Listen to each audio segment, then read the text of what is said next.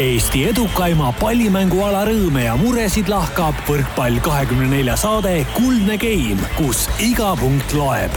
taustajõuna hoiab mängul hoogus ees Kredit kakskümmend neli tere ja ilusat kolmapäeva, kahekümne seitsmendat märtsi ütleme kõigile võrkpallisõpradele Kuldse Game'i stuudiost. päevad on lõpuks ometi taas pikemad kui ööd ja vaikselt-vaikselt hakkab meenuma, mis see päike ja päevavalgus tähendab. Kuldse Game'i tegijana on hea meel tõdeda, et hea ilm pole Karin Aldot üksinda stuudiosse jätnud, vaid minu kõrval on taas koha sisse võtnud meie kuulsad ja kummalised saatejuhid Rivo Vesik ja Uku Rummi. tere jälle!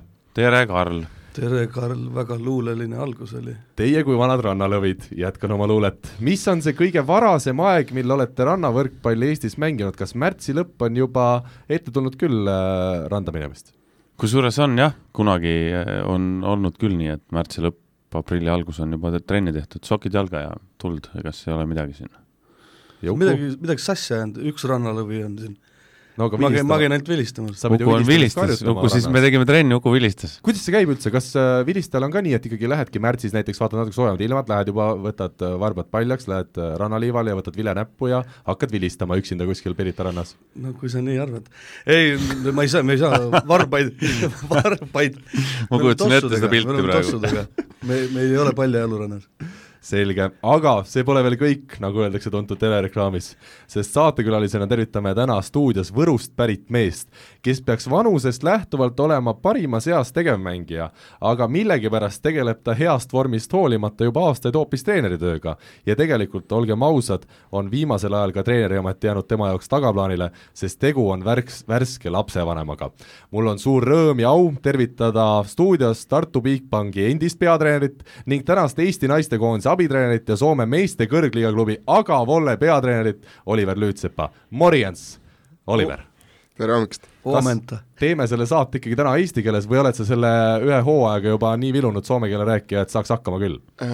Ei ole nii vilunud soome keele rääkija, et peame ikkagi eesti keeles läbi ajama, et äh, ja Eestis olles on ikkagi tore eesti keelt rääkida. aga teeme lubaduse, et kui sa peaksid Soomes ka järgmine aasta treenerina tegutsema, et siis järgmisel kevadel sa tuled stuudiosse ja me teeme esimese ploki saatest soome keeles Äh, ma usun, et me saaksime jah, tänasel hetkel ka sa räägiksid see, väga vähe sellest. ja ma räägiksin väga vähe ja sina räägiksid väga palju, et siis me võiksime selle ära teha. Vesa, aga meil, meil oleks, meil oleks vaba hommik siis ju?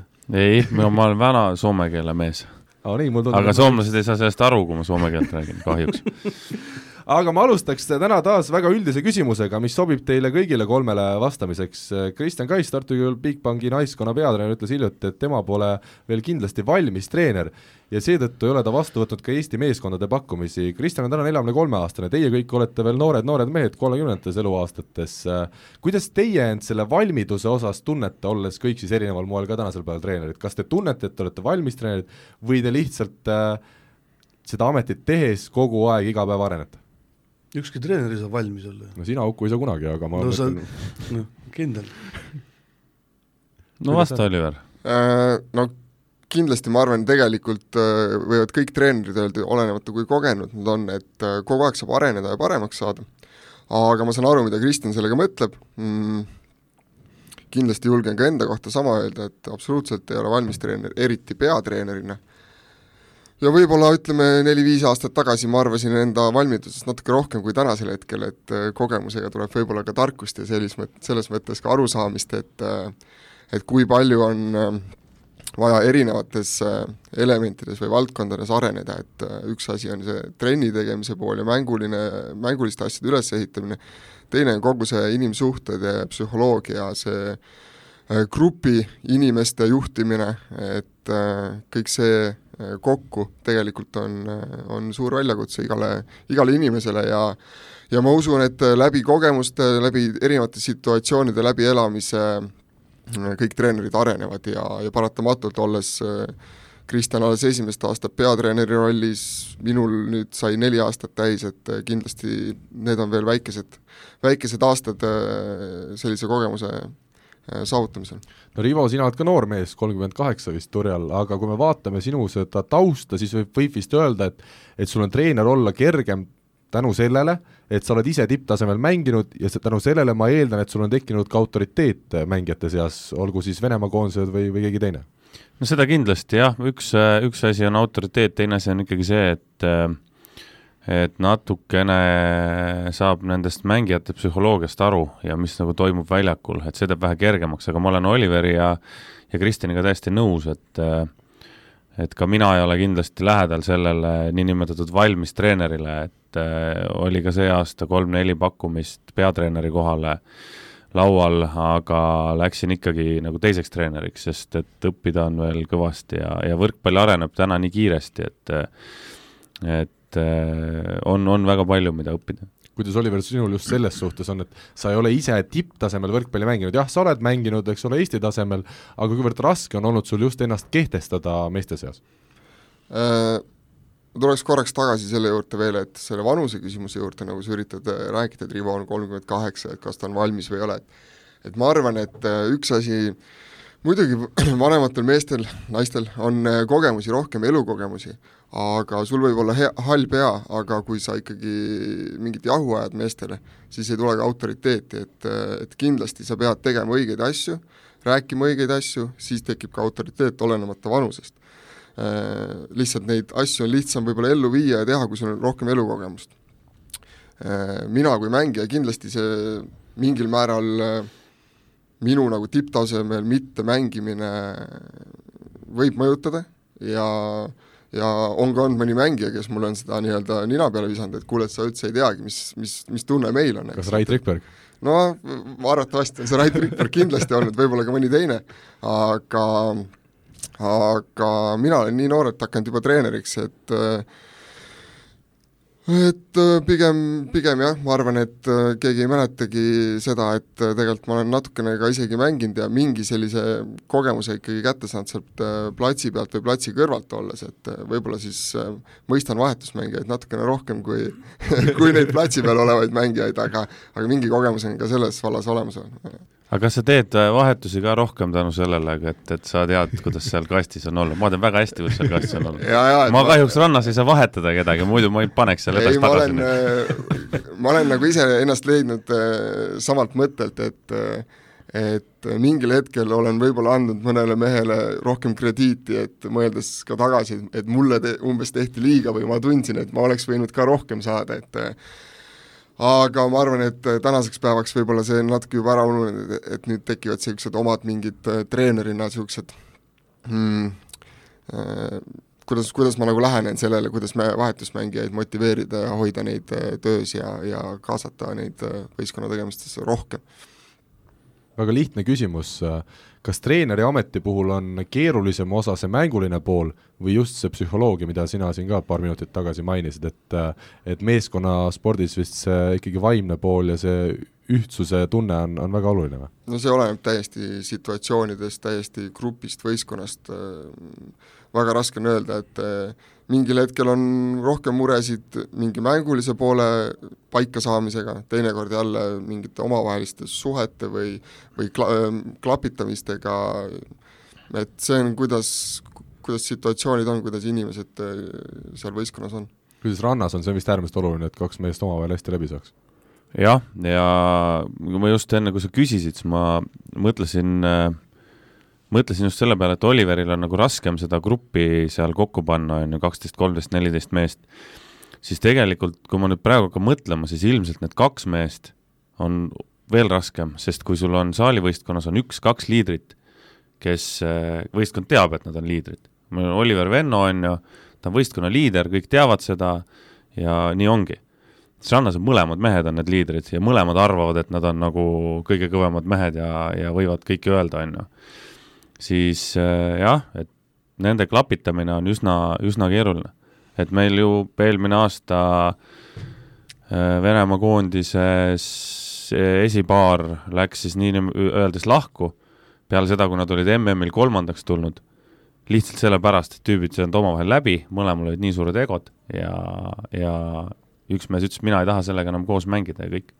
No aga rannas mingi paar oli, ma ei mäleta, kes need olid, aga nad põhimõtteliselt ei suhelnudki omavahel Lassiga Lassiga olid yeah. kunagi vennad, kaks venda, kes ei rääkinud omavahel üldse. et põhimõtteliselt oligi nii, et äh, ema sünnipäeval siis äh, üks mees ütles, et kuule, isale, et isa, ütle Martinile, et ta annaks mulle soola. ja siis isa ütles Martin, anna Paulile soola. umbes niimoodi, ja mängisid, aga noh, selles suhtes nemad läksid väljakule, nad olid professionaalid. Nad läksid väljakule tööd tegema, tegid omasid ära ja, ja kõik. Aga selle klapitamisega üsna, üsna keeruline aeg-ajalt jah, ja mina arvan, et see on, rannavõrkpallis vähemalt on see, see tähtsam kui see, sest seda tehnilist poolt nad saavad nii palju neid pallipuuteid seal, et selle saab paika üsna kiiresti aga et see pea paika saamine on, on üsna keeruline. Oliver, me vaikselt hakkame tulema oma teemaga sinu lõppenud hooaja juurde, aga, aga alustades siis sellest, et just seesama, Tartu Bigbankis sa olid olnud aastaid abitreener alguses, siis peatreener, kõik see läks kuidagi loogilist sada pidi. äkitselt sa sattusid kohta, kus sa ei teadnud ilmselt ühtegi mängijat või vist ühte äkki teadsid varasemast ajast, et äh, kuivõrd palju sa just sedasama psühholoogilist poolt vaatasid, et et kes seal võistkonnas on sa ju ei saanudki tegelikult teada enda isiksusi, et kuivõrd tundmatu äh, maaga tegu oli, kui sa sinna Soome eelmisel suvel läksid? jaa, kõik äh, põhimõtteliselt ikkagi uued inimesed, uued mängijad, mõnda üksikut varasemast äh, olin suhelnud ja, ja, ja nii-öelda näinud, Edi, Edi mängis ju ühe aasta äh, Tartus, mina olin küll siis veel Võrus mängija, aga me suhtlesime temaga, temaga ka tol ajal. Äh,, jaa, ei, see oli nagu huvitav äh, väljakutse, ma uurisin muidugi teiste treenerite käest äh, tähtsamate mängijate kohta juba enne, ja kui mõne mängija kohta mulle nii-öelda anti vihje, et, et tegemist on küllaltki raske karakteriga ja nii edasi, siis ma nagu natuke mõtlesin küll, et oh, mis seal siis on, et ennegi näid-, nähtud siin äh, Tartuski niisuguseid huvitavaid mehi. aga lõpuks ma võin öelda, et eks ma alahindasin situatsiooni, et et mingi hetk hooaja jooksul sain aru, et, et tõesti on tegemist päris keerulise karakteriga, et et ega nende inimeste tundmaõppimine võtab, võtab natukene aega, et ega see esimese nädala või isegi kuuga sa tegelikult ei saa seda pilti ette, et ja siis, kui asjad raskemaks lähevad, siis kui tekib see rutiini talumine ja ja siis lööb inimeste selline tegelik iseloom välja, et aga kuidas selle karakteriga oli, lõpuks murdsid maha, hakkas alluma? Ei, põhimõtteliselt ei, ega ei murdnud lõpuni, et äh, me murdsime, murdsime piike kuni hooaja lõpuni temaga ja noh, võin öelda julgelt, et üks mängija, kelle kohta ma võin öelda, et veregrupid nagu ei kattunud mitte üldse, et et väga keeruline oli temaga töötada, aga aga ta oli väga vajalik mängija ja me töötasime ja ja selles mõttes, et kogemus väga, väga, väga väärtuslik, et kas sa selle nime Tartu, Tartu ajast ütleme nii, et ega Rait Rikberg, Meelis Kivisild on ka sellised huvitavad tüübid, kellega, kellega töötada, aga nemad on ikka väga toredad sellid selle kõrval eh, kas sa selle nime Soome ka oled nõus Soomes äh, ütlema, ma arvan, et meil väga palju Soome kuulajaid ei ole, sellest mingit suurt imet ei, ei sünniks. see tegemist oli mul põhisidemängija, et äh, siis on vist eriti raske, kuna tema peab ju sinu kõik äh, nii-öelda mõtted ellu viima väljakul. absoluutselt, et oleks see mõni, mõni nii-öelda ründaja, siis oleks isegi lihtsam, aga sidemängijaga on väga palju vaja treeneril suhelda ja ja koostööd teha, et tuli leida erinevaid lahendusi, kuidas, kuidas me omavahel suhtleme ja kuidas me üksteise, üksteiseni jõuame no mul tuleb meelde Kevin Saar siin äh, hooaja alguses, tema mängib siis esimest aastat välismaal Šveitsi liigas ja, ja ütles, rääkis mulle võrkpalli kahekümne nelja portaalile väga avameelselt, kuidas seal oli meeskonna sees tekkinud äh, väga korralik sisetüli, mis siis päädis sellega, et üks mängija vist läks minema ja teine siis lõpuks allus treeneri käskudele, kuivõrd, ja siis selle teema valguses tuli mulle nagu väga palju tagasisidet, et niisugust asja juhtub igas meeskonnas, igas, igal hooajal sisuliselt, et väga vähe on neid juhtusid, kus see terve viieteistmeheline punt on aasta otsa rõõmsalt koos, käsi käes, kallistatakse pärast igat punkti ja ollaksegi nii rõõmsad, et äh, on teil selliseid elavaid näiteid ka veel peale nüüd selle viimase hooaja, kus, äh, kus tulebki ette taolist olukorda, et ei tea, mida edasi teha ja no nii on, vahest tuleb teha ka näidispoomisi või siis ongi see, et, see tõrvatilk sealt meepotist üles leida ja mesi puhtaks teha. vanasti ESS-i ajal oli Nõmsalu Ojamets oli kõva selline, kõva Sõbrad. paar ja kõvad sõbrad, et äh, seal käis ikka väga kõva andmine, et kord läks üks trennist minema ja kord läks teine trennist minema, et et ei ole ka Eestis need, äh, need asjad nii võõrad, et aga neid juhtub jah, Sten Esna on rääkinud Prantsusmaal, kui tuli see vana Grebenikov tuli sinna Renni treeneriks, et siis tal läks ikka kõvaks andmiseks seal treeneriga ja, ja mängijatega ja aga noh, treener jäi lõpuks peale, et ja, ja kasvatas oma poja sealt ilusasti välja ka niimoodi, et Sten istus poole ajast pingi peal ja, ja Ženja mängis, et ja tuletame siis jälle kõigile spordisõpradele meelde, et, et nimetatud äh, mängija, kes Esna asemel hakkas väljakul käima, on tänaseks üks Euroopa ja maailma paremaid äh, liberoid. no ilmselt maailma parim, jah. Pole paha. Äh, kui me, Oliver, sinu Soome karjääri nüüd jälle vaatame, kuivõrd keeruline sul siis ütleme, kolmekümne kahe aastase mehena oli Soome minna ja seal hakata treeneriks ja peatreeneriks võeti sind hästi vastu või vaadati, et ühtpidi nii noor mees ja, ja veel Eestist tuleb ka, et, et no see ei saa küll mingi korralik värk olla? kas haamrit kätte ei antud kohe? Har-, harjumusest soomlasest? ma seda nalja tegin ise kõigile, et, et, et ma Kalevi, Kalevi pojaks lähen sinna. et äh, Äh, ma ei tea, selles mõttes, eks ma üritasin minna ja, ja natukene suhtumisega, et ma löön jalaga ukse lahti, et, et võib-olla siis on nagu lihtsam, et aga päris, ma arvan, päris keerduks ei olnud, mis nagu teiselt poolt tagasi tuli, et et kokkuvõttes ma arvan, et minul oli lihtsam selle võrra, et ma läksin võistkonda, kes oli teist aastat alles meistriliigas, eelmisel aastal saavutasid kümnenda koha, jäid liigasse püsima, võistkond oli küllalt amatöörlik enne seda ka nende treener oli enne inimene, kes käis äh, vist päeval tööl ja õhtul siis äh, treenis seda võistkonda, ehk see, kogu see äh, treening, ülesehitus, kogu võistkonna komplekteerimine, mis me seal tegime, läks palju professionaalsemaks ja tänu sellele ka need mängijad, kes seal olid varasemalt olnud, nende jaoks oli väga suur edasiminek kogu see süsteem, kogu see protsess et see kindlasti aitas nagu mind sellega, et nähti, et tuleb mees, kes, kes teeb asju nagu päris korrektselt mm.. mul ei olnud kordagi võistkonnaga seda probleemi, et et ter-, et, et võistkond ei, ei, ei üritaks teha seda, mida, mida ma üritan ellu viia. oli teatud konflikte, nagu, nagu alati on, teatud arutelusid, aga, ja kui vahel mulle tundus, et kurat, et vanad ei taha teha niimoodi, nagu oleks vaja, pärast rahulikult videosid vaadates, analüüsides, siis näed, et tegelikult soovitakse ikkagi seda ellu viia, mis on, mis on nagu plaan olnud. teatud, teatud karakteritega oli keerulisem, aga nagu, nagu igal pool, et eks siis tuleb leida lahendusi, kuidas, kuidas sinna jõuda, et äh, ma kokkuvõttes arvan, et saime hakkama selles mõttes mina kui treenerina selle võistkonna ees seal no kui me võrdleme Eesti ja Soome võrkpalli, kuivõrd erinevad need on, kui me vaatame ja mäletame neid aegu üheksakümnendatel aastatel, kui kümned Eesti võrkpallurid läksid Soome siis parema elu järele, siis oli see maailm täiesti teistsugune, kas täna on ikkagi ühiskond ja, ja ka võrkpall väga sarnased äh, naaberriikides? ja suhtumine, ütleme äh, üldiselt. jaa, ei selles mõttes, et seda võrdlust küsitakse hästi palju minu käest ja, ja noh, ma ei tea, võib öelda alati, et muru on rohelisem kuskil mujal ja, ja midagi taolist, et äh, Äh, no ma julgen öelda, et äh, keskmine tase on, on äh, kõrgem kui, kui Eesti liigas. ma usun, et Soome meister võidaks Eesti meistrit, Soome kolmas võidaks Eesti kolmandat ja nii edasi. Mis on võib-olla suured erinevused, mis, mis hetkel ikkagi inimestele läheb, läheb seal Soomes see võrkpall korda Äh, saalid rahvast täis. meeste võrkpall on üldiselt väikestes linnades, väikestes kohtades. Ja rahvas on saalis.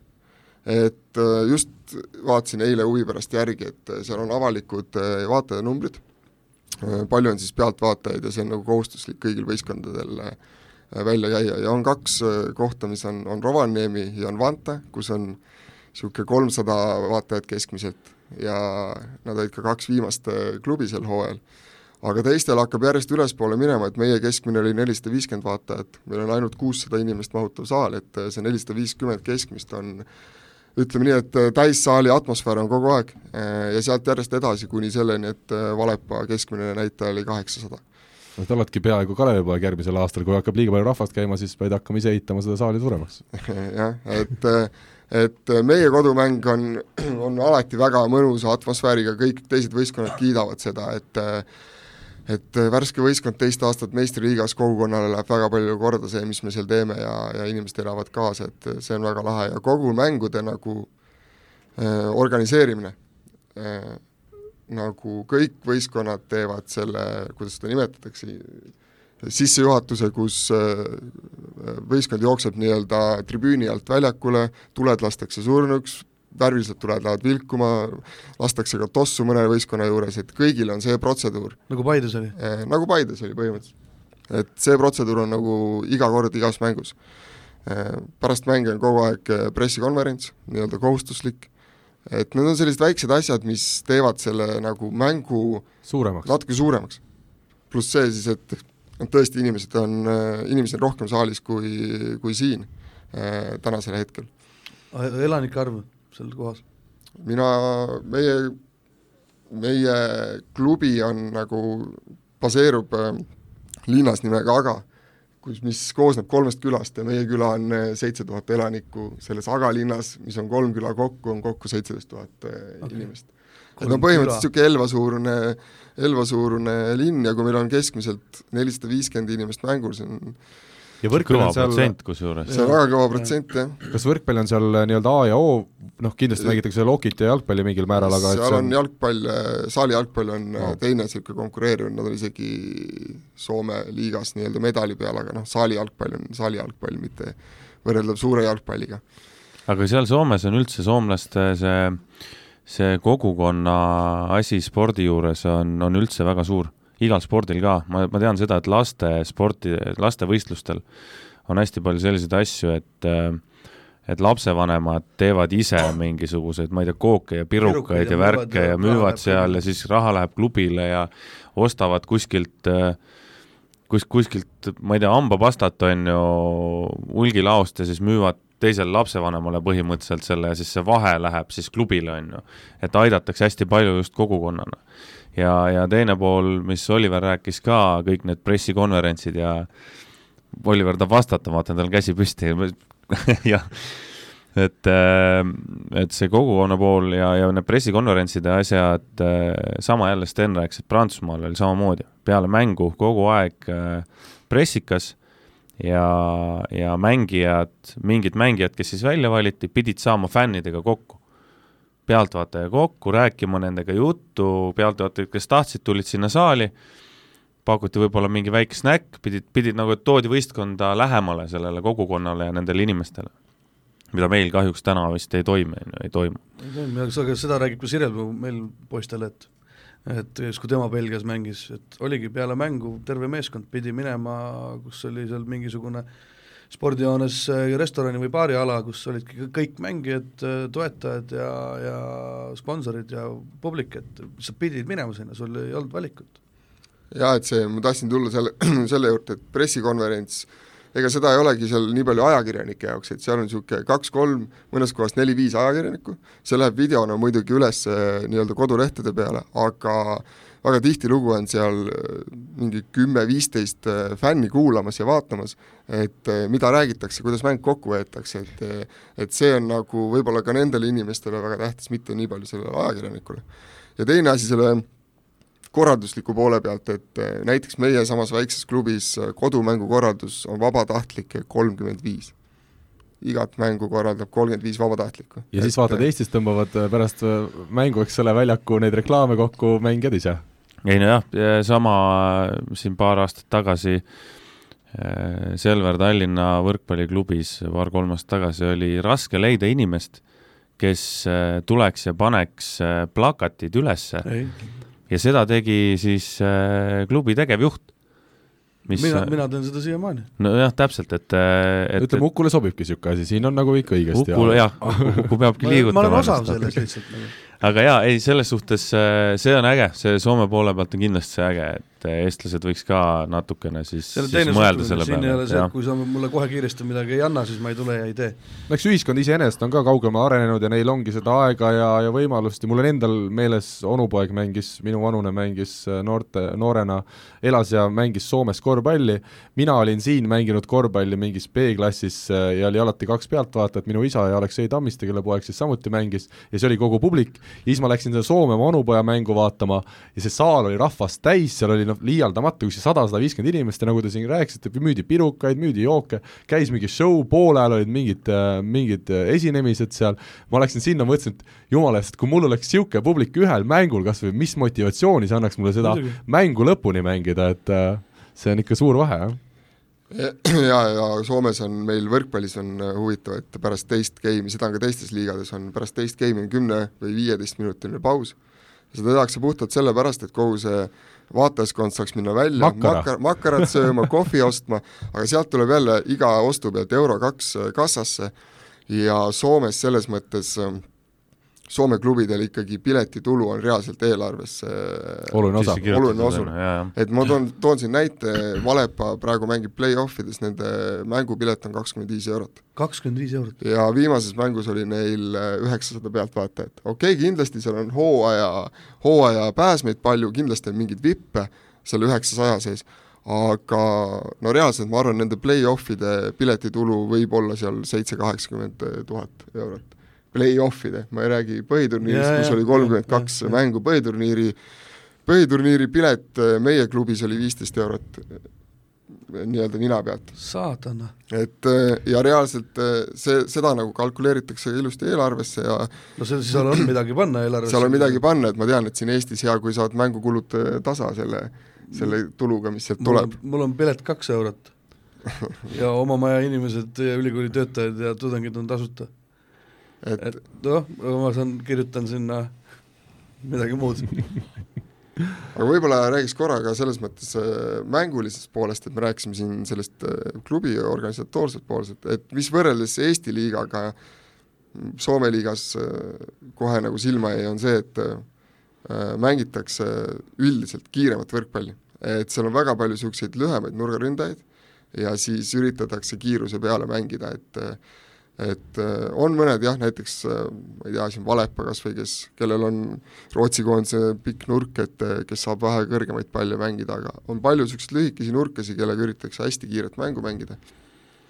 ja teine asi on see, et planeerivat servi näeb väga palju, et et nüüd küll tundub, et mida iga aasta edasi, seda rohkem tuleb ka hüppelt servi sisse, aga, aga väga palju planeerivat servi, et need on kaks sellist mängulist asja, mis kohe nagu jäävad silma noh, ma jälgin muidugi ka Eesti mänge, et kui, kui vaatad Soome mänge ja siis Eesti mänge, et et kust tuleb nagu erinevus, äh, mis, mis paistab välja. sinu äh, seda juttu praegu kuulates mul millegipärast välgatas selline mõte, et võrkpallis on ju hästi huvitav see erinevalt, ütleme, jalgpallist näiteks, et Eesti ja Soome on nagu oma regiooni mingis mõttes nagu juhid äh, vaatame, võrkpallis ei ole ju Põhjamaad, ei Rootsi, Norra, Taani ei ole mingid suured võrkpallimaad, samamoodi Läti, Leedu ei ole, noh, Venemaa on nii kaugel ja see on nii kõrge tase, et sinna ütleme, väga paljud mängijad ka välismaalt ei, ei tule, et, et Eesti ja Soome on selles suhtes võib-olla üsna sarnases rollis, et kui me räägime Põhja-Euroopast ja väiksematest riikidest, siis tullaksegi siia, et, et see on ikkagi mingi kvaliteedimärk justkui.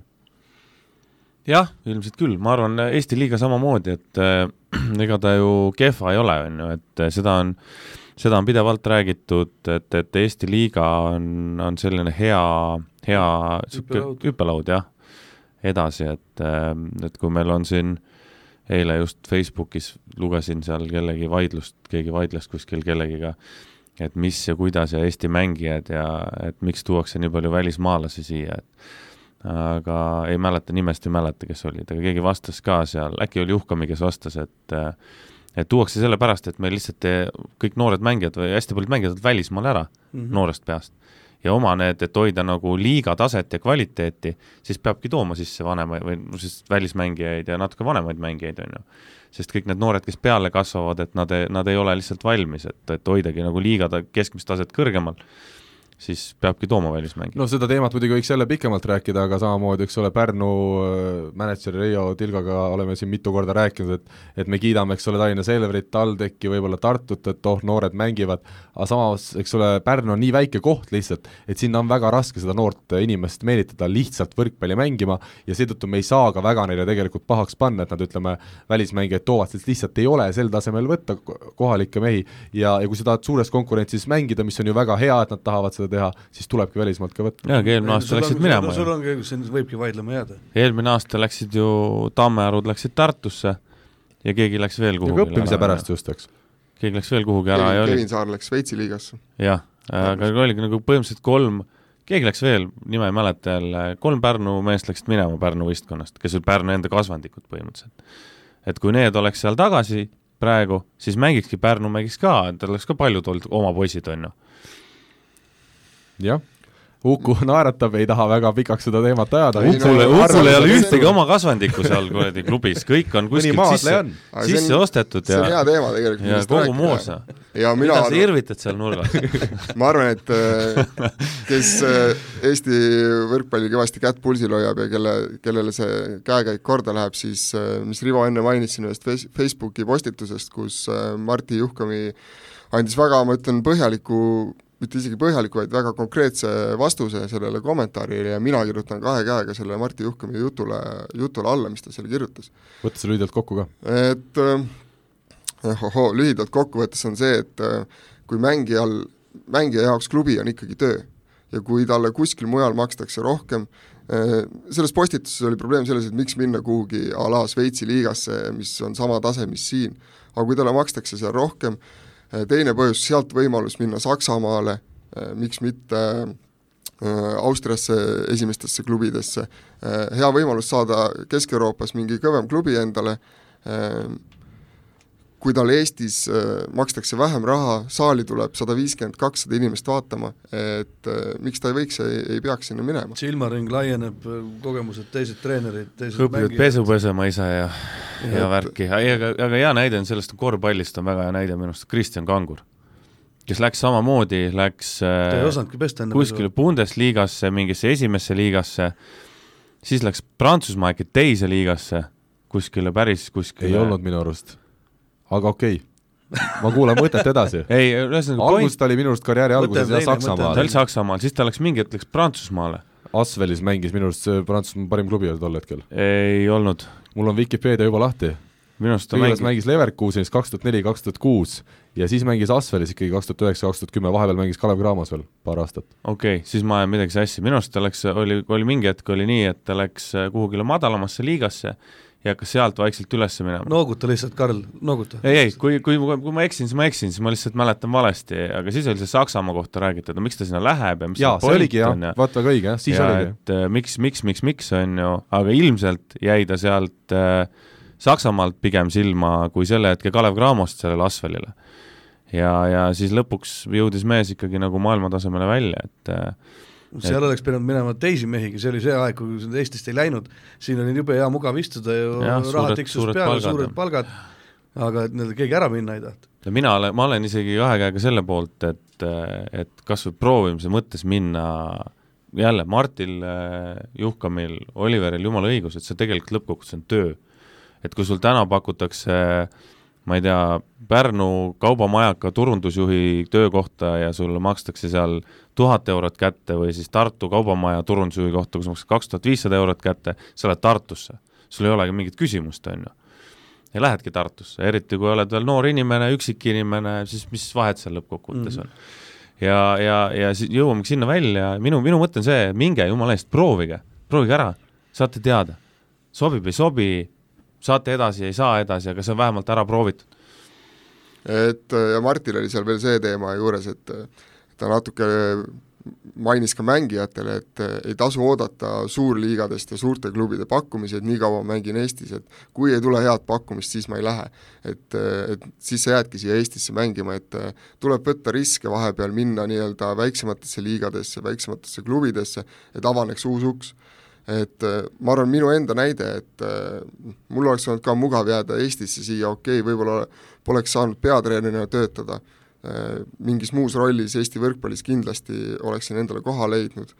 aga võtsin vastu selle otsuse, oli võimalus minna teise liigasse, ei ole mingi suur liiga äh, selles mõttes ja nii edasi, aga kindlasti ma olen saanud juba väga palju uusi kontakte, äh, näinud väga palju uusi mängijaid, mul on selle kohta isegi selles mõttes ma arvan, et et siin Eestis sa tiirled selles omas, omas äh, mullis või ringis ja ja ikkagi oled natuke nagu suletud keskkonnas, et et igal juhul tasub minna ja proovida nii treeneritel kui mängijatel, treeneritel on see muidugi palju raskem ja mul oli lihtsalt õnne ja, ja juhust, et ma, et ma sinna sain.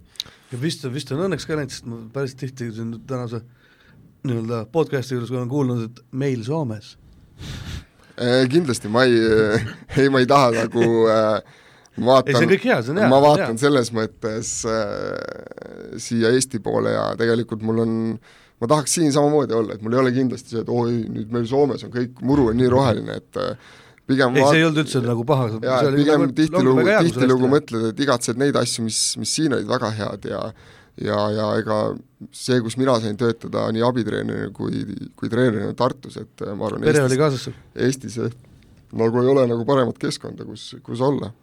See aasta olin suhteliselt üksinda seal, et et käisime, reisisime edasi-tagasi, et ei ole väga, väga pikk maa reisida okay aga esimese teema lõpetuseks väga kiire küsimus teile, mina ausalt ei tea, kuidas treeneritel see elu on siis, tavainimene käib tööl aastaringselt, on kakskümmend kaheksa vaba päeva, kui oled riigiametis, on natukene rohkem, kuidas teil käib, kas hooaeg saab läbi, viimane mäng on ja siis kirjutatakse tšekk välja ja, ja palka rohkem ei saa või äh, kestab see palgaperiood ikkagi peaaegu aastaringselt, kuidas teil mehed äh, sellega lood on?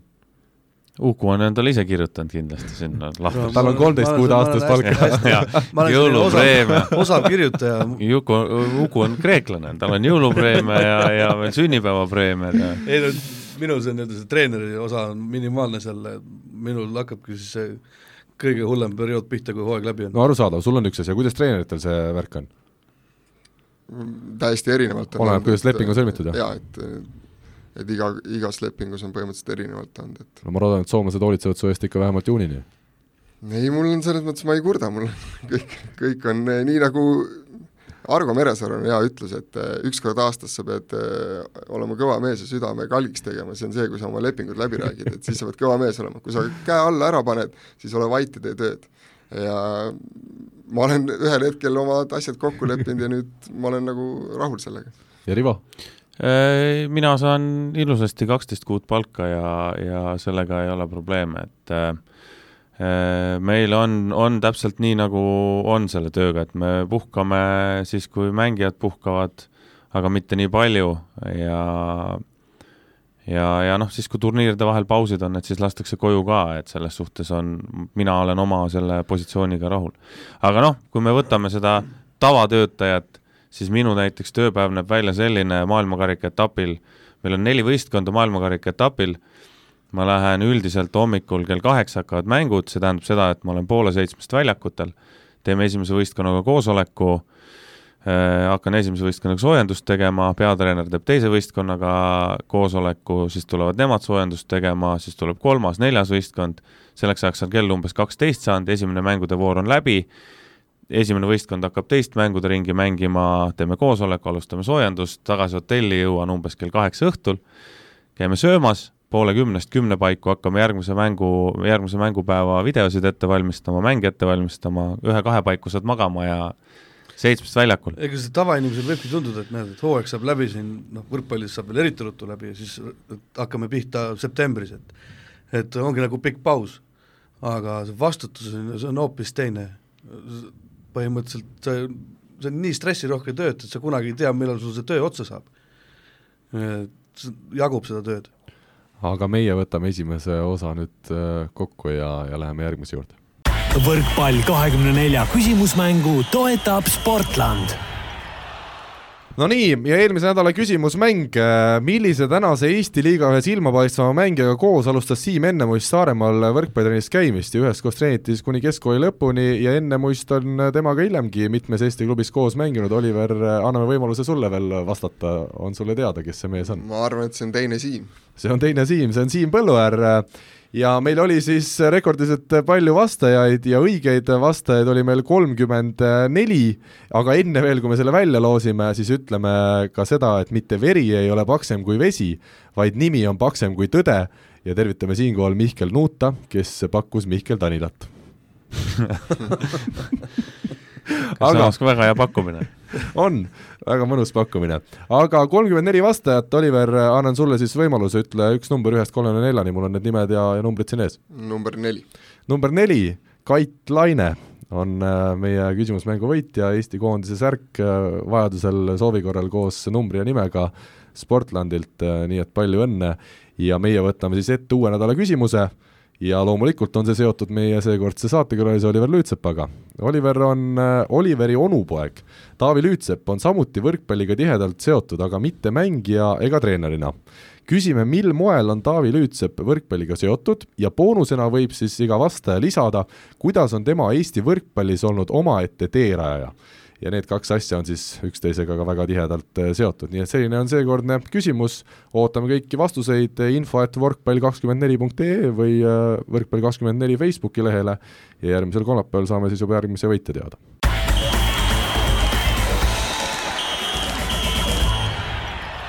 aga nüüd, head sõbrad, asume siis teemade kallale ja meil on sel nädalal jälle, millest rääkida. esiteks loomulikult Eesti meistrivõistluste poolfinaalseeriad ja vastupidistelt kõigile ootustele kujunes ühepoolsemaks või sai kiiremini läbi, ühepoolne on küll vale sõna, tõesti, tunnistan, äh, Pärnu ja Saaremaa seeria, Pärnu võitis mängudega kolm-null ja on kolmeaastase pausi järel finaalis, kas Num alustame? numbrid on ju, ühepoolne ju. jah, kas alustame Pärnu kiitmise või Saaremaa laitmisega, kumba siin rohkem põhjust on teha? Äh, ma kedagi ei laidaks küll selle koha pealt. Äh, mina panen nüüd käe südamele, ütlen, et mina eksisin oma ennustuses ja. sama siin. ja, ja tuli see minule väga suure üllatusena. aga äh, ühe koha pealt ma panin täppi, kui ütlesin, et Pärnu legionärid peavad hakkama mängima ja Atu hakkas mängima ja, ja kuidas veel, et ja vastupidiselt siis Saaremaa võistkonna diagonaalründajatele, kes kordamööda kukkusid ära. Atu pani seeria ikkagi päris võimsalt, välja arvatud need kolm matšpalli, mis ta seal teises mängus ära ei löönud seal võis isegi neli olla neid. või, või neli jah, aga, aga seeria pani täiesti uskumatult, et ma pean siin, ma pean siin selle lause välja tooma, seda, mis kunagi He Heino Lill ütles, kui mängis selline mees kui Deniss Sintov mängis meil äh, TTÜ-s ja mängisime Selveriga pikka seeriat ja viiegeimiline mäng oli ja Deniss super, super terve mäng, aga lõpus kukkus ära. Heino Lill ütles selle kohta, et väga hea lüpsilehm, noh. terve mängu annab super hästi piima. aga siis, kui ämber täis on, lööme ise kabjaga ümber. mul hakkas seesama lause tuli mulle meelde, kui ma vaatasin seda teist poolfinaalmängu, et et kas nüüd see ämber vist on täis saanud, et aga õnneks, õnneks, õnneks või kahjuks ei saanud aga mulle tundub, et meil on tänase saate jooksul äh, veel põhjust Aatu juurde tagasi tulla, seetõttu keskendume siin seerias äh, natukene teistele tegijatele. mida siis äh, teie ütlete, kas Saaremaa on see hooaeg kehvem kui eelmisel hooajal, minule isiklikult tundub, et okei okay,, nad on võib-olla natukene kehvemad, aga kuidagi on mingi jõuasjaga mööda pandud, sest selles poolfinaalseerias nad ei olnud nii kuidagi erksad ja, ja energilised, nagu peaks üks meeskond poolfinaalis olema, või on see seotud nendest tulemustest, kuidas teile tundub, Oliver? Äh, no esimene küsimus, et kas hakkame laitma või, või kiitma, siis äh, see on täpselt nii, et äh, nii nagu üks võistkond laseb teisel mängida ja, ja, ja pigem ongi see, et need asjad on omavahel käsikäes, et Pärnu mängis väga hästi, sai järjest rohkem enesekindlust ja selle võrra Saaremaa järjest rohkem hakkas ära vajuma, et mis need põhjused on, võib-olla nad kaotasid Grade kakskümmend nelja finaali õnnetul kombel nende jaoks võib-olla sealt tekkis väike ebakindlus sisse, ehm, võib-olla forsseeriti treeningutel midagi liiga, liiga palju üle, ehm, seda, seda kindlasti oskavad asja, asjapulgad ise rääkida, aga kokkuvõttes no seal võis ikka mingi väike pinge ka olla, selles suhtes sa ütlesid väga õigesti, Oliver, et see Crediti finaal on ju, kõik ju ikkagi enne hooaega räägiti palju sellest, et Saaremaa tahab võtta kõik ja, ja, ja siis üks medal juba läks, kuld, et äh, poolfinaalis vähe pinget juurde, et no seal peaks olema mehi küll, kes seda pinget taluvad tegelikult. nüüd nii-öelda, kui vaatad seda koosseisu seal, siis ma ei usu, et see pinge nüüd nii, nii suur oli. peale teist mängu kindlasti. aga selline see võrkpall on, et mingil hetkel isegi kõige kogenumad mehed, kui, kui asjad ei õnnestu, siis äh, vägisi seda emotsiooni ei leia ja me kõik teame, et niisugune emotsiooni najal on võrkpallis võimalik väga palju ära teha, et äh, kui kogu see võistkond äh, õnnestub. Ja need õnnestumised annavad lisaenergiat ja, ja Saaremaa seda, seda ei leidnud ja eriti kolmandas mängus ikkagi mingil hetkel enam ei õnnestunudki ja siis, siis oli juba neil väga raske, et mm, raske öelda, mis need põhjused täpselt on, kindlasti, kindlasti on ka seal treenerite ja mängijate jaoks hetkel väga raske öelda, mis täpselt valesti läks, et et seda saab pärast võib-olla pikemalt, rahulikumalt mõelda ja ja meie, kes me ei tea, mis nad igapäevaselt on teinud ja kuidas, kuidas neil seal võistkonna sise, siseelu on ja nii edasi, et seal võib olla põhjuseid ja tegureid väga palju. komplekteerituse koha pealt siis ma pakun, et see aasta on paremini komplekteeritud võistkond kui oli eelmine aasta. Okei okay,, pulga võtad, pulga võtad ära, noh, ma, ma, mina jälle vaidleks selle koha pealt, minu jaoks on see et ainukene koht nii-öelda, ma vaidleks selle Ma koha vaidleks ka pealt, et äh, Põlluäär ja Pulk on täna kõvem duo, olid eelmine aasta kõvem duo, kui on see see on ainukene, ja see on ainukene koht ka seal. jah, aga see on jälle see liidri koht, et täna Saaremaal ei olnud seda meest, kes veaks võistkonda. kui üks, keda oodatakse, et noh, ilmselt oli see Põlluäär või siis äh, Pööm. Äh, kes see nurgaründaja see on? Rivera. jah, Rivera on ju, kes tegelik- te,, tegelikult tema kui välismängijana oli ikkagi varjus, täiesti varjus. et äh, seda liidrit, kes, kes oli siis Pärnus on ju olemas, kes Tartus on olemas, seda ei olnud täna Saaremaal, eelmine aasta oli.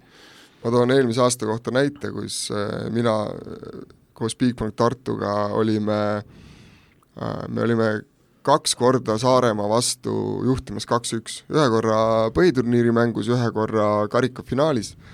mõlemal korral alustas põhikoosseisus Siim Põlluäär ja mängu keskel tuli Indrek Pulk ja mängis väga hästi ja, ja nii-öelda öö, otsustas need mängud öö, Saaremaa kasuks sellel hooajal on Põlluäär ja, ja, ja Sam Poem on, on siin vahetanud ühte ja teistpidi, aga kokkuvõttes nad Otsustanud. ei ole niisugused game changer'id olnud.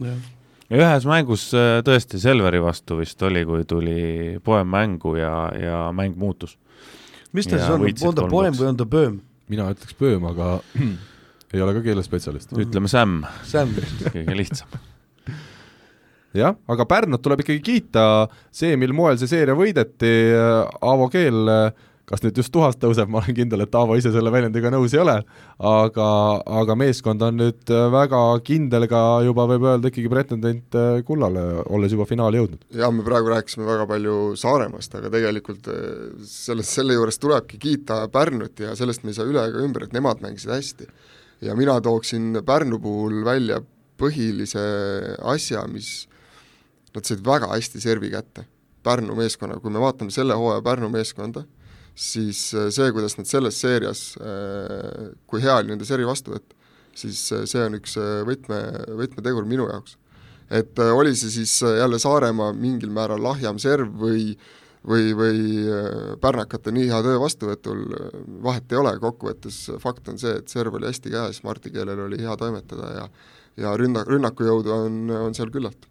Maar ja, ja, ja siis Läti poiss Osolins on ju, lätlane üllatus viimane mäng. üllatas väga jah, et nad, Maar hoidis muidugi kogu aeg oma taset nii selline, nagu ta on, ja lätlane ja, ja Taavet Lepik ka, et äh, tõesti, Oliver jälle ütles väga õigesti, et äh, Martil oli üsna lihtne laiali tõsta ja, ja mängida, mängida nii, nagu, nagu nemad tahtsid, mitte nii, nagu Saaremaa tahab. no Osolins ma mäletan, kui ta siia tuli, eks ole, hooaja eel ta tegi väga häid turniire, sama Võru turniir, kus vist äh, Oliver ka oli kohal oma meeskonnaga, tundus, et super mees, aga, aga nii palju, nagu ma kõrvalt olen kuulnud, et ta vaimselt ei olnud valmis või ei osanud veel tulla toime selle pingega, mis on siis, kui hooaja nii-öelda tähtsamad mängud on käes noor poiss ka jah. ja kui ta oli varus ka, siis tal oli jube raske tulla, aga nüüd Ilja Kovalov oli vigastatud ja tal oli kindel see koht äh, koosseisus ja, ja ta lõpuks nagu oma potentsiaali mängis välja ta ka. mängis väga hästi välja oma Atvarsi puhul võib-olla tooks välja ka sellise asja, et ta mängis eelmine aasta Limbasis, terve hooaeg äh,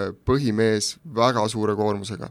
suvel oli ta esimest korda Läti koondises, ta oli suve keskel isegi põhikoosseisus, Põhikoosseisus, Eesti vastu alustas põhikoosseisus kindlasti, ma ei ole päris päris kindel, kui palju tal neid põhikoosseisu mänge seal tuli, aga noor poiss, üheksateistaastane, esimest korda meestekoondises, terve suvi sa pead ennast tõestama, siis sa veel ka mängid, kõik see pinge kokku, eelmise aasta suur koormus, Uus- uus- uus klubi, uus klubi, uus keskkond, mingil hetkel lihtsalt äh, arvatavasti sai, sai nagu kas vaimne või füüsiline jaks otsa. no ilmselt hooajaeelsel turniiridel ta oli nii heas vormis ka siis lihtsalt veel peale koondise suve ja kõiki asju. pingevaba ka. ja pingevaba ka ja teine asi on muidugi see, et, et ta tuli ka ju klubisse, kust, kus ta teadis, et siin on vaja tulemust, et nemad tahavad tulemust ja nad ei mängi, Limbaži ei mänginud väga kõrgete kohtade Jah. peale, et seal ongi lihtsam mängida kui see, et sa tuled klubisse, kus sa tead, et siin nõutakse. ma tuleks tagasi selle teise poolfinaalmängu juurde, Saaremaa-Pärnu. Kommentaatorid magasid maha seal ühe niisuguse huvitava asja, mis minu arust oli päris otsustav hetk oli see. eriti see- oli viiendas skeemis, kui kolmteist, neliteist Pärnu serv ja Afka tegi vahetuse Richard oma- Vooger, võttis oma poisi välja ja pani väikse voogli sisse, presidendi poisi sisse. presidendi poisi sisse ja see kägistas põhimõtteliselt üksi nurgast ära pöömi no kägistab, ma nüüd ütlen, ma No, ma olen, mulle no, meeldivad ka see- noored see- mängijad, see suhtes- oli ikka natuke juhus ka, et sinna see no, ei, mina- ma- ma ei arva, et see see- ongi krediit. mina ei arva, et see on juhus. mina arvan, et see on juhus, mina arvan, et Aavo tegi taktikalise käigu, ta mängis selle peale, et tõste tuleb tõste sinna. tuleb sinna just selle noore mängija vastu. Ja aga selle koha pealt läks hästi, et see tõste oli kehva. see tõste oli väga kehva, ta oli võrgu lähedal, ta oli madal, seda oli üsna lihtne blokeerida ja kordusest on jube ja noh, no need plokikäed üle ei olnud. Aga seal ei olegi vaja, see on nii selline aga tagasi tõste. läks ta väga ilusti. et, et see oli üks otsus, see oli, see oli üks selline oli, tegelikult oli, absoluutselt. aga kõige otsustavam moment on, sellest me veel peame rääkima. Matšpall Saaremaal selles samas teises mängus viiendas rääkida. Sam Böhm servib, servib selgelt sisse, isegi vist piiri peal ei olnud pall, aga loeti välja ja mäng jätkus ja lõpuks siis Pärnu selle mängu võitis. kuidas siin nüüd läheneda sellele olukorrale? mina saan nagu kõigist osapooltest iseenesest aru, kõik, kes siin kritiseerivad, sest kõigil on mingis mõttes õigus. et äh, ei näinud see joonekohtunik, kusjuures rääkisin eile Toivo Aldiga ka lõpuks õhtul ja ta ütles, et neil oli variant võtta tegelikult neli joonekohtunikku, et igal joonel äh, on siis oma kohtunik. aga kasutati siis kahte, et natukene nii-öelda säästa. Paremini, see ei oleks päästnud see ei oleks päästnud, ei sest et see mees ei, see tema mees, kes vaatab Tema vaatab ikka oma joont, ongi jah. tema piir. et teised, teised seda ei vaata. see ongi tema piir. aga ühesõnaga jutu mõte siis see, et ei, äh, seal oli, no seal ei ole, see on väga lihtne on see. pukikohtunikust kõige kaugem nurk, jah, no oli üle keskmise tugev ja eksimusi tuleb sisse. äh, mängijad ees, teine kohtunik vaataski seda nii-öelda asetuse asja. kuigi videost on näha, et, et ta vaatas ka juba palli trajektoori liiklust no,, aga ma saan aru, et see ei olnud tema ülesanne pall tuleb jaa nii, kiiresti nõus ja ülemine kohtunik, kui sa ei näegi seda, sa otsustadki piirikohtuniku järgi mm. mm. -hmm. eriti veel ma ei tea, kuidas see ter-, terve mängu jooksul see piirikohtunik esines, kas nii-öelda ülemine usaldas teda terve mängu, eriti kui ta usaldas terve mängu ja otsustavatel hetkel ja kui on konkreetne kiire li- lipuliigutus, seal ei ole üldse küsimust, ongi kõik. ja ei, las, ega see piirikohtunik ka, kõik teevad vigu ja, ja lihtsalt tema jaoks tuli see väga lollil hetkel see viga sisse, et äh, anname talle andeks ja loodame, et äh, et mees on jälle varsti piiri peal, et ta väga pi- pikalt seda põdema ei jää, et ega siis vigu teevad kõik, teevad mängijad, ei ole, teevad, ei ole, ei ole, teevad ei ole treenerid, tema teha, see on nüüd Andres Et- Sepa ja Aldi enda teha, kas ta kutsuda Eh, tagasi sinna või ei kutsu. et igal juhul äh, loll olukord, aga see on sport, kohtunik tegi otsuse ja nüüd on see läinud. mina ütlen selle kohta nii, et äh, mängijad teevad rohkem vigu kui kohtunikud ja see on üks asi, teine asi on see, et äh, minu arust oli kas Andrei Ojamets ütles kunagi selle kohta, et võida kindlalt ära mäng ja sul ei ole ühtegi küsimust, keegi ei küsi, keegi ei süüdista. võta see mäng kolm-null ära ja sa ei saa kellegi peale pärast äh, näidata näpuga, et hakata nüüd otsima seda, et piirikohtunik on süüdi selles, et Saaremaa kaotas. samas, samas nii-öelda äh, nüüd vaadata Saaremaa poole pealt, et noh, et oli matš pall, et oli ju sees, et nii-öelda kohtunik no aga mis siis, kaheksa tonni Jah, jah., kotka silm ja on korras. aga siis on väljakul, aga siis on väljakul vabatahtlikud need arvestajad, kes palka ei saa, sest siis ongi kogu raha läheb kotka silmale. no tahad võita, siis, siis tahad võita selliste pallidega, siis tuleb investeerida, ei ole midagi teha klubi poole pealt, et nii-öelda Sirelpuu on ise ka ütelnud seda, et et kohtunikud tulevad, teevad oma mängu ära, eks ju, lähevad minema. Me näeme ja, ja kui otsustavatel hetkedel tulevad sellised vead, et nii-öelda kaheksa kuud näed vaeva, raiskad raha, eelarvet, sõidad, mängid ja siis nagu keegi teine otsustab sulle ära selle mängu. aga noh, ei, Nii inimlikus on, midagi aspektis on aga selles kõik arusaadav mõttes, sellel juhul oli see ikkagi nii-öelda, ma saan aru, Saaremaa kohalik kohtunik, keda Jaa. võiks äh, kahtlustada või, või süüdistada mingis koduviles, seda kuidagi ei, ei olnud, ta, ta eksis, ta lihtsalt tegi vea, väga, väga halb hetk Saaremaale. sellist asja nagu ja koduvile väga... Eestis ei ole olemas ole.. jaa. Türgis oleks Türgis oleks kõik sisse see, selle see palli. teema ei ole kuskilt otsast pahatahtlik, see on halbade asjaolude kokkulangemine. ainuke asi, mida ma ikkagi, ma ei ole päris äh, võib-olla sada protsenti siin Aavo keelega nõus, et, et vältida seda, et kellelgi üldse tekiks mingi küsimus.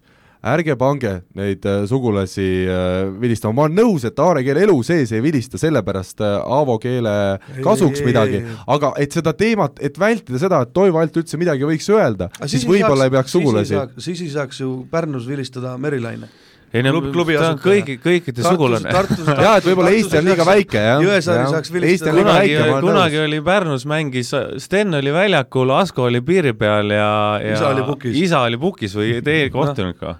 jaa, ei ma saan aru, Eesti on liiga väike võimutiit oli, ilmselt on see oli vastus, meil naiskonnaga jah. seotud, ei pandud meie meistriliiga mänge vilistama, noh et see on mõttetu, See- ütleme Sämmi kohta, et see oli väga hea serv, aga jah, kahjuks nagu on ütlus, et operatsioon oli edukas, aga patsient suri. ja lõpetuseks, esimese poolfinaali lõpetuseks Tom Swans, Müstika, Läti koondised, Sveiki, Laabi, Igavni ja Saldejumps on minu tervitussõnad. seitseteist punkti esimeses mängus, teises kümme ja kolmandas viisteist punkti kokku, kolme mängu peale neliteist plokipunkti. Toms on tegemas head hooaega. teine seeria, väga kiirelt peame sellest rääkima, Rakvere on siis Tartu vastu üks-kaks taga ja täna on äh, neljas ja võib-olla viimane mäng ees ootamas, Rakvere tuleb au anda, aga Tartu ilmselt nii, nagu ütles Martti Keel ka eile intervjuus Võrkpalli kahekümne neljale, et et ega Tartu alles kogub, kogub tuure ilmselt finaaliks, olgem ausad jah, kui need tuurid jõuavad nii üles. tore oli vaadata, äge oli see, et Rakvere võitis selle ühe mängu, kahju muidugi, et Taavi praegu on väljas, aga, aga et nüüd siis saame näha seda Taavi Nõmmistu jälle. jah, Taavi Nõmmistu, vabandust. Et ja seal ei ole rohkem kui ühtegi seal võistkonnas. nüüd saame siis näha seda, mida me eelmises saates ka siin spekuleerisime ja mõtlesime, et miks ei ole pandud Maidlet allkrivistuses, et eks see täna paistab, me ei tea mitte midagi, sest et kõik täna- ennustused on täiesti tagurpidi läinud. no ega me sellepärast siin ei ole, et me targad oleme, meile lihtsalt meeldib rääkida. Aga aga ma ei tea, kas te nägite seda viimast Tartu mängu, siis äh, Maidla oli kogu aeg põhikoos-, põhikoosseis. mina ei näinud kusjuures. ja pärast esimest punkti, neil, nad alustasid teise side teise diagonaaliga, pärast esimest punkti olenemata tulemusest toimus vahetus, topeltvahetus. jaa, seda Jah. Tallinnas Seda teeb kogu aeg. teeb aga see on nagu, mis asi see on, vaban-, vabandage, Andres Toode, kui sa kuulad mind, mis asi see on, et see, meil on ikkagi, tahame siin teha küllaltki pro- professionaalset liigat me, või me ei tahtnud enne eelmisel korral on seda teemat nagu- puudutada väga.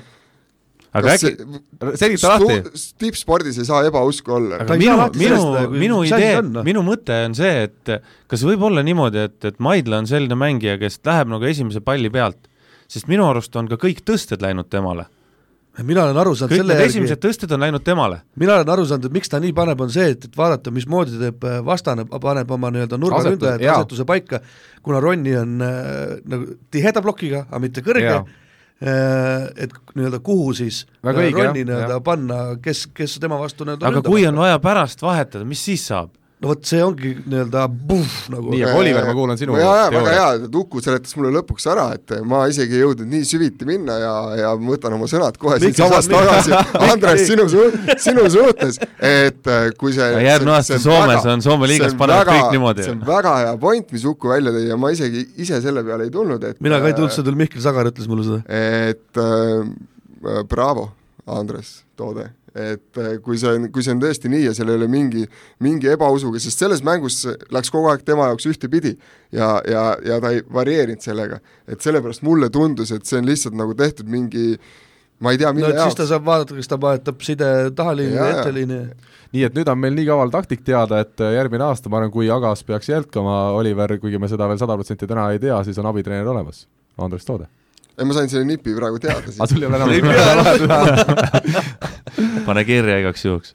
aga jääme siis ootama selle teise seeria lõppu ja räägime sellest viimasest mängust järgmisel nädalal uuesti, meie aga läheme järgmise teema juurde. Pahv lööb pahviks ehk nädala tegija Chisoba Neves Atu nelikümmend kuus punkti selles samas teises poolfinaalseeria mängus ja meie äh, hääletus nädala tegija sada nelikümmend häält võrkpalligrupis Facebookis leiab selle hääletuse üles, ülekaalukas võitja, ma lootsin, et sel nädalal tuleb rohkem võrdsust, tasavägisust, aga ei, kus sa sellega, teine koht siis Aavo Keel üheteist häälega, kolmandaks Hendrik Rikand, Tartu meeskonna mänedžer, suutis ka oma vastusevariandi panna ja sellest vastusevariandiks oli kaks tundi nelikümmend seitse minutit, olgugi et me valime igal nädalal inimest, mitte no selle peale tuleb aega.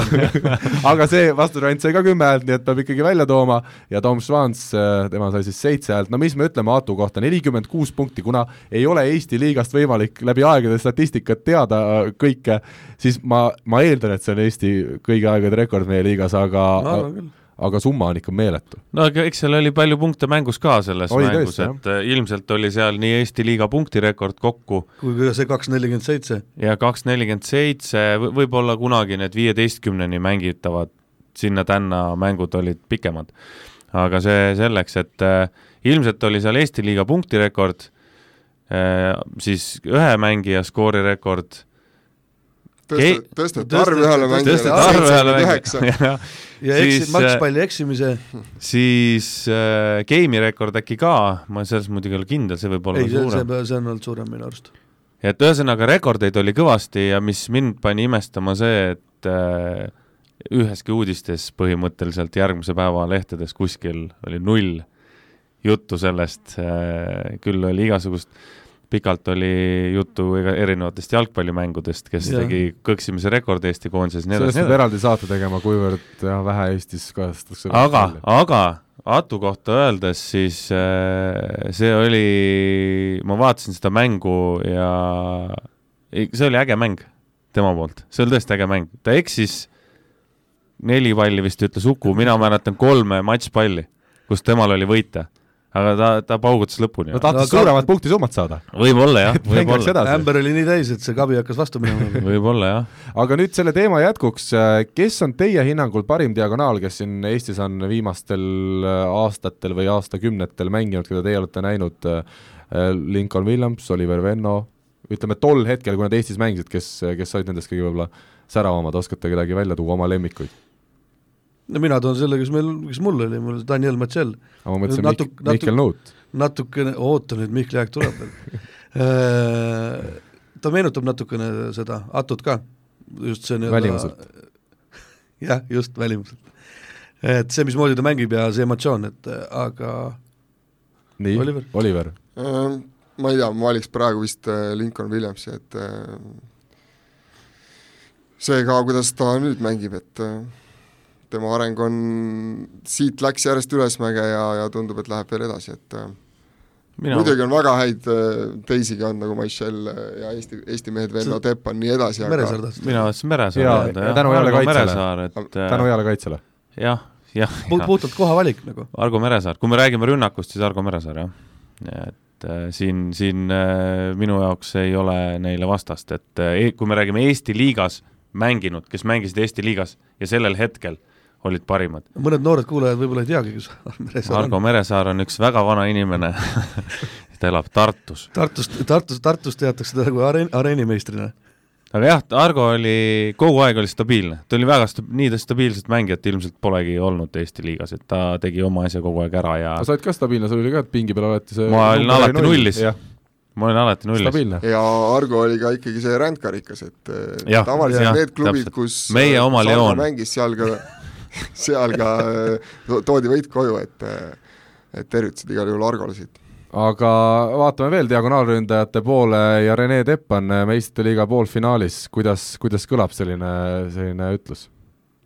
väga uhkelt kõlab, mis siin ikka öelda, et kõva sõna, kuigi kahjuks jah, vigastuse tõttu ta ise seal viimaseid mänge väga kaasa ei teinud, episoodiliselt tuli, pani muidugi ühe kõva ässa seal, aga, aga väga kõva. aga Rene on mänginud äh, ja selle, selle edu just, ta on ikkagi edus taga. osa mängib. jaa, nagu- absoluutselt, nagu väga absoluutselt, siin ei olegi äh, midagi öelda, noh. ta ei ole lihtsalt seal pingi peal ainult istunud ja vaadanud, kuidas teised mehed mängivad, vaid selles kogu selle hooaja jooksul ta on ikkagi oma osa ära oma võimalused ja, ära kasutanud, varianti on. ilmselt, ilmselt oleks ka praegu põhis, kui ei oleks seda väikest vigastust, et ja jälle see meedia küsimus, ma Renega endaga rääkisin ja ütlen ausalt, et Rene oli ka päris pahane või selles suhtes, et, et kaua sa, kuhu sa pead veel ronima, sa oled äh, meistrite liigas poolfinaalis ja nagu me rääkisime, tegelikult on temal ka väga tähtis roll, et nad üldse nii kaugele on jõudnud.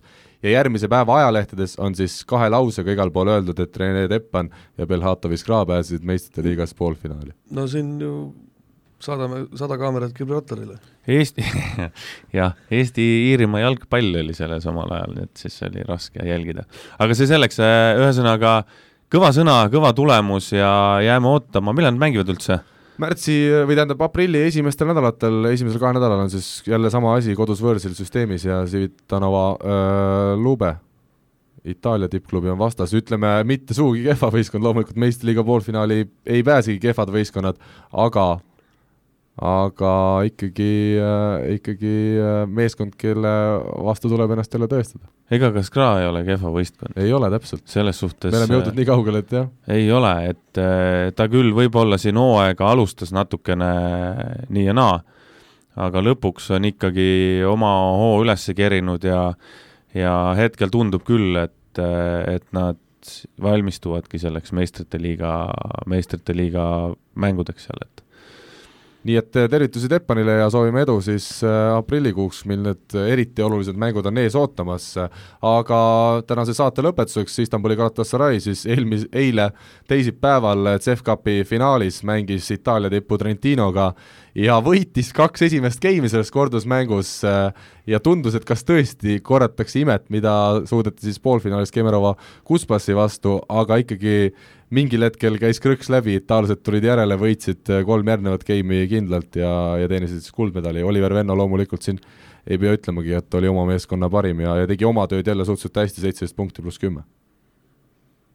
eks see suure tõenäosusega läks nii, nagu minema pidi jah, Sein tuli vastu, et äh, küll ilmselt väsimus ja, ja väike pinge ja, ja väike selline võidukramp äkki, äkki tuli pähe ja itaallaste tase on selline, et nemad, nemad äh, mingist ma-, kohast alla ei lange, et, et kui nemad oma selle keskmise ära mängivad ja sina seal kõigud üles-alla, et kui oled üleval, siis on võimalik võita, lähed alla, siis enam ei ole võimalik võita.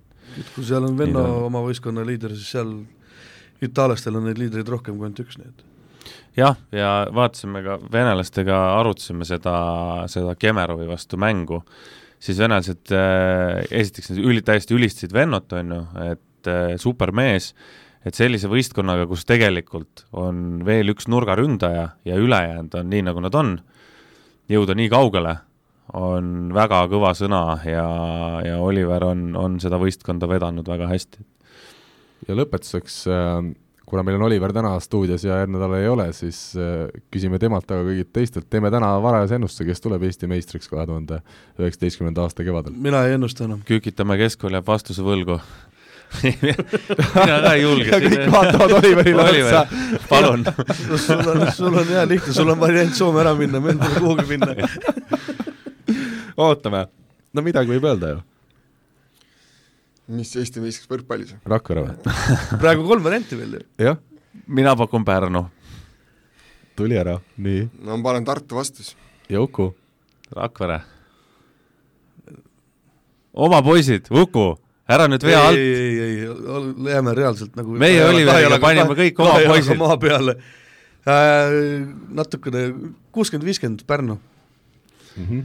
no ma ütlen ka midagi, aga ma ütlen siis Tartu nii et kaks-kaks vist, jah? no ta paneme vahele ka midagi. paneme jah, paneme mingi jäätise vahele. jah, olgu hea jäätis siis see. karhu, tai aga mehed, aeg on tänasele saatele joon alla tõmmata või nagu võrkpalliga öeldakse, pall võrku lüüa, sest tund aega on taas innulennul möödunud. suur tänu sulle, Oliver, saatesse tulemast, oli meeldiv vestelda. Rivo Joukoga loomulikult vestelda nii meeldiv ei ole, aga, aga tuleb harjuda iga nädal selle töö on töö. Õnneks, õnneks on kõik vastastikune. töö on töö. nii et meie täname ja kuuleme kõik kuulajate ja huvilistega taas nädala pärast. head päeva jätku! Kuulmiseni! aitäh! aitäh, nägemist! Eesti kõige põnevamad podcastid on Delfis, kuula tasku.delfi.ee